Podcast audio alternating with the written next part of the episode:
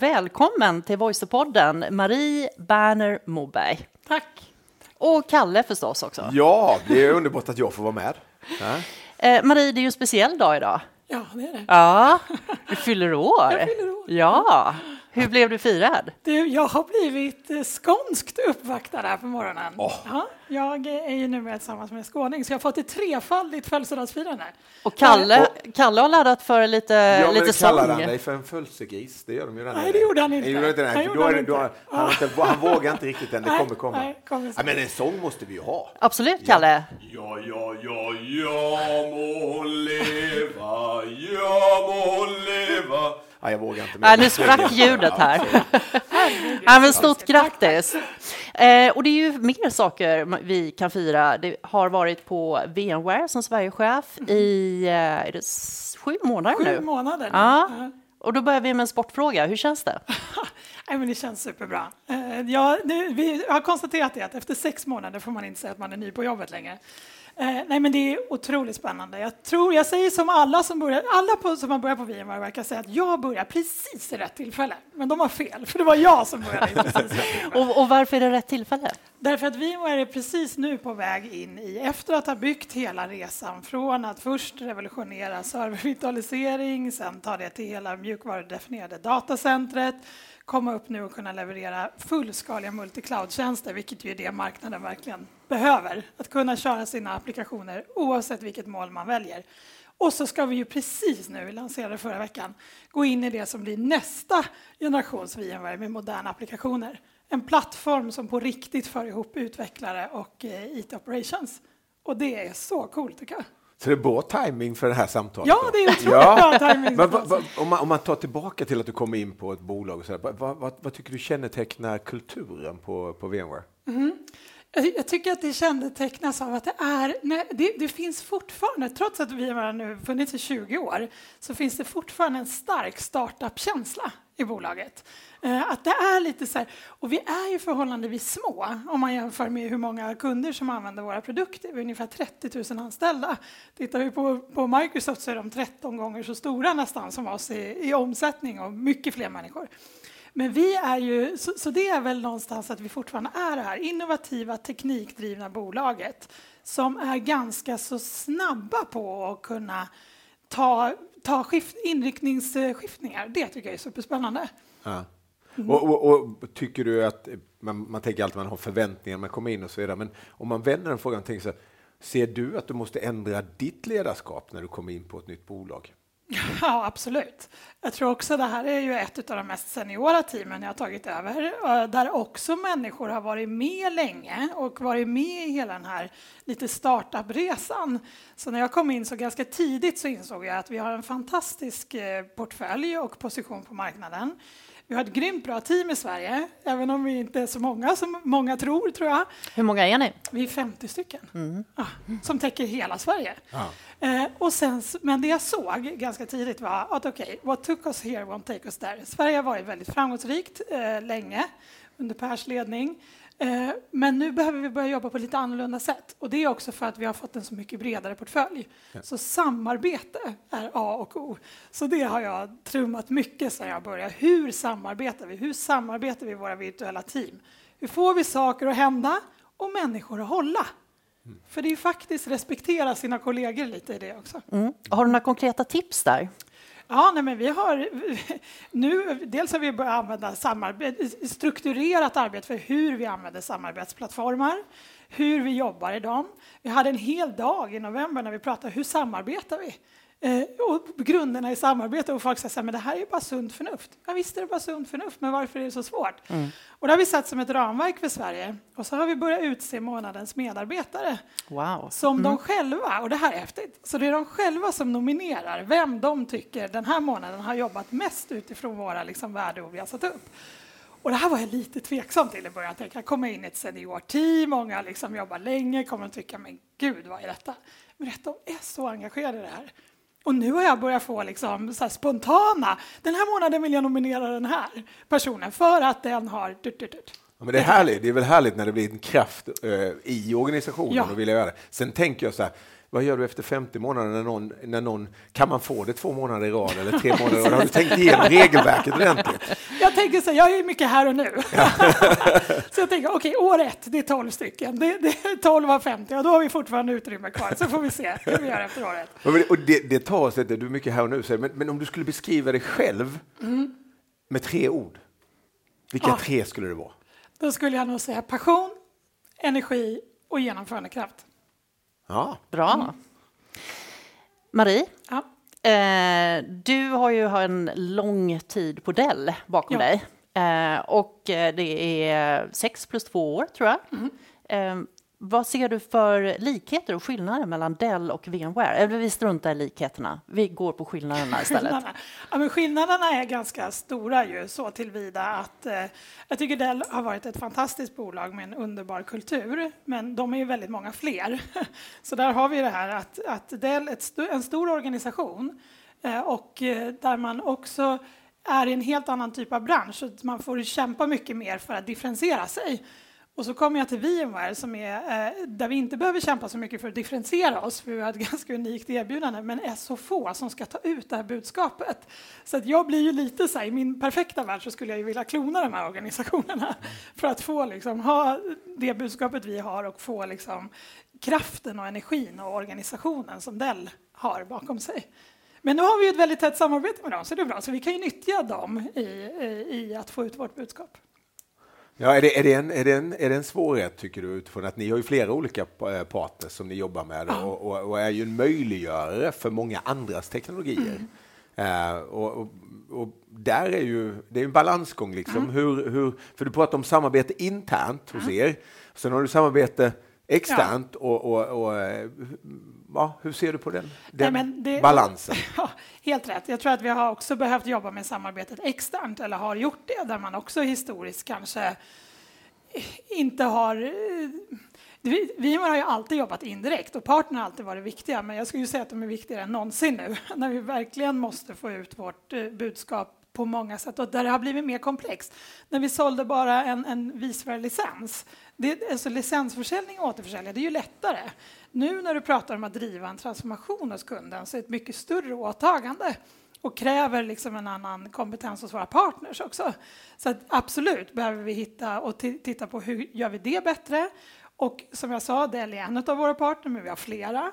Eh, så jag har ju även eh, varit och väldigt mycket hos HPE, vilket kändes där i början. Du vet, man, man är känslomänniska också, oh, men det har varit fantastiskt härligt.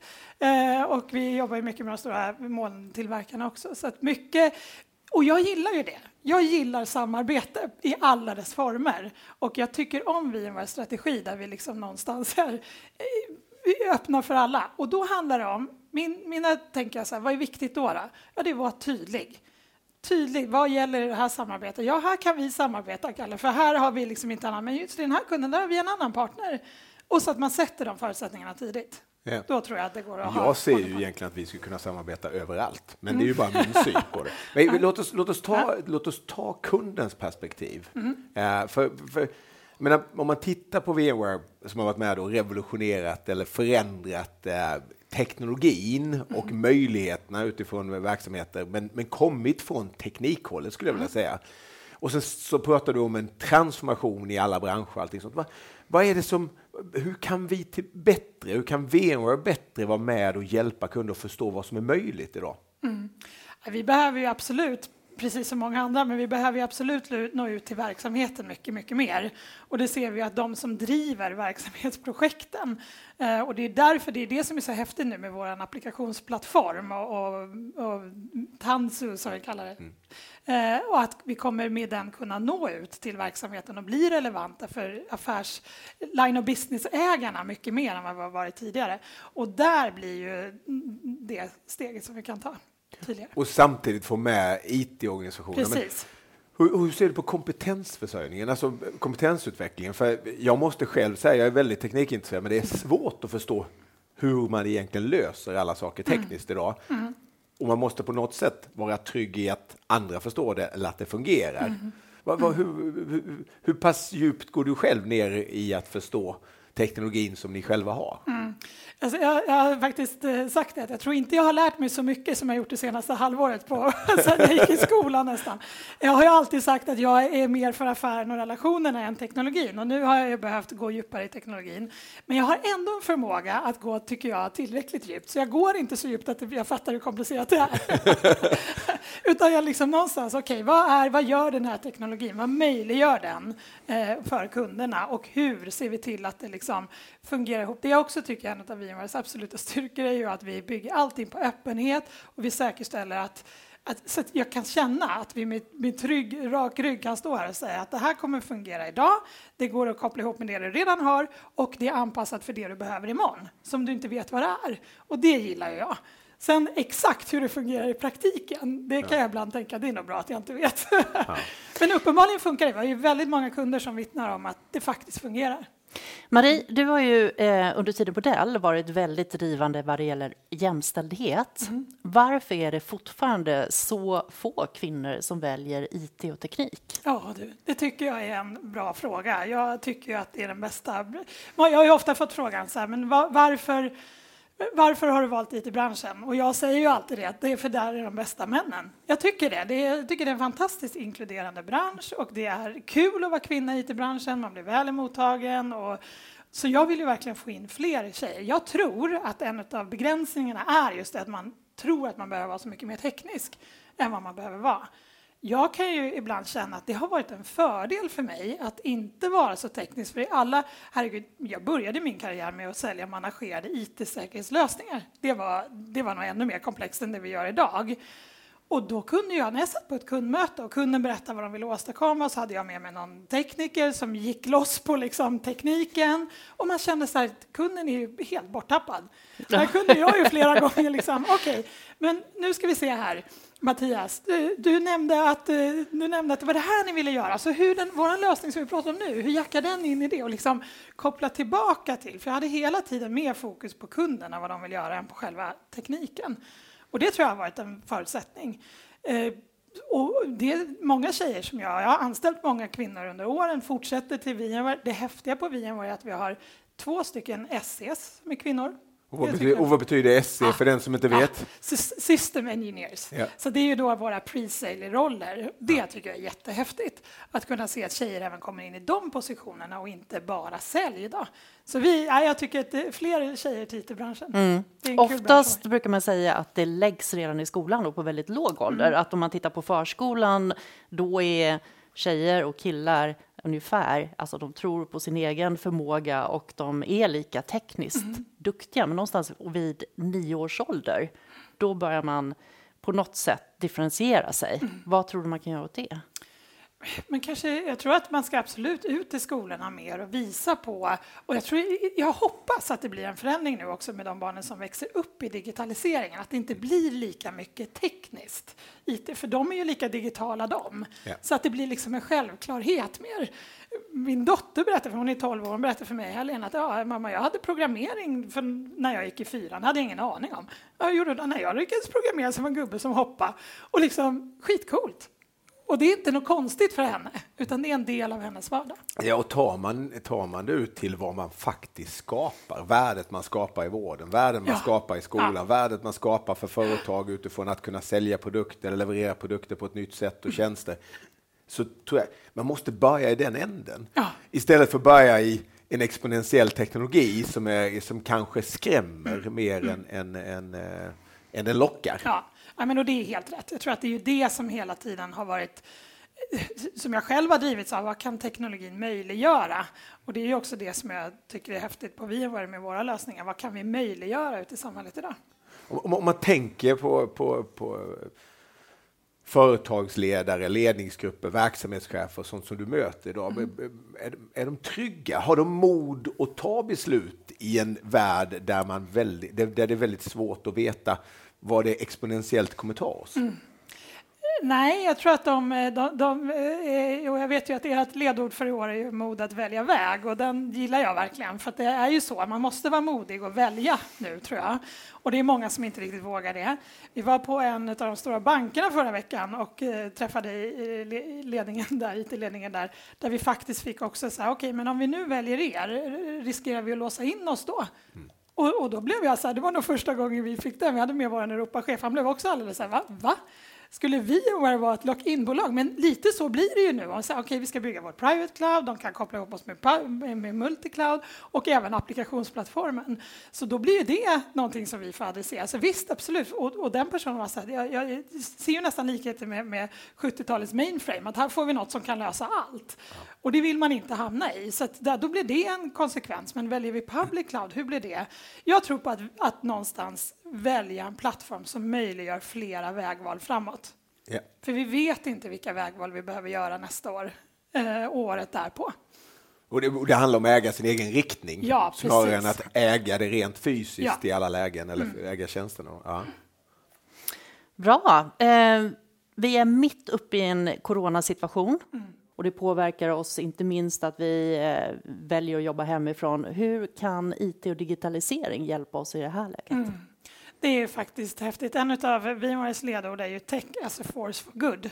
Och i den här situationen har vi ju verkligen, verkligen eh, kunnat bevisa det.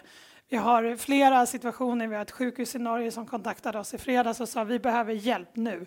Vi behöver hjälp att säkerställa att vi kan få upp våra medarbetare att, eh, att kunna koppla in sig remote på ett säkert sätt. Teamet jobbar hela helgen. Idag så eh, kom, eller lägger de beställningen vilket gör att de imorgon kommer kunna vara uppe och köra en VDI-plattform eh, i, i, med vår lösning. Och det får ju mig att få energi i det här fruktansvärda läget ja, vi befinner oss i. Mm. Vi hade liknande, så vi sprider mycket av sådana historier nu. Vi hade ett sjukhus i Spanien som hörde av sig också och behövde hjälp med att få liksom en, en HA-lösning, eh, en, en redundant sajt för sitt datacenter.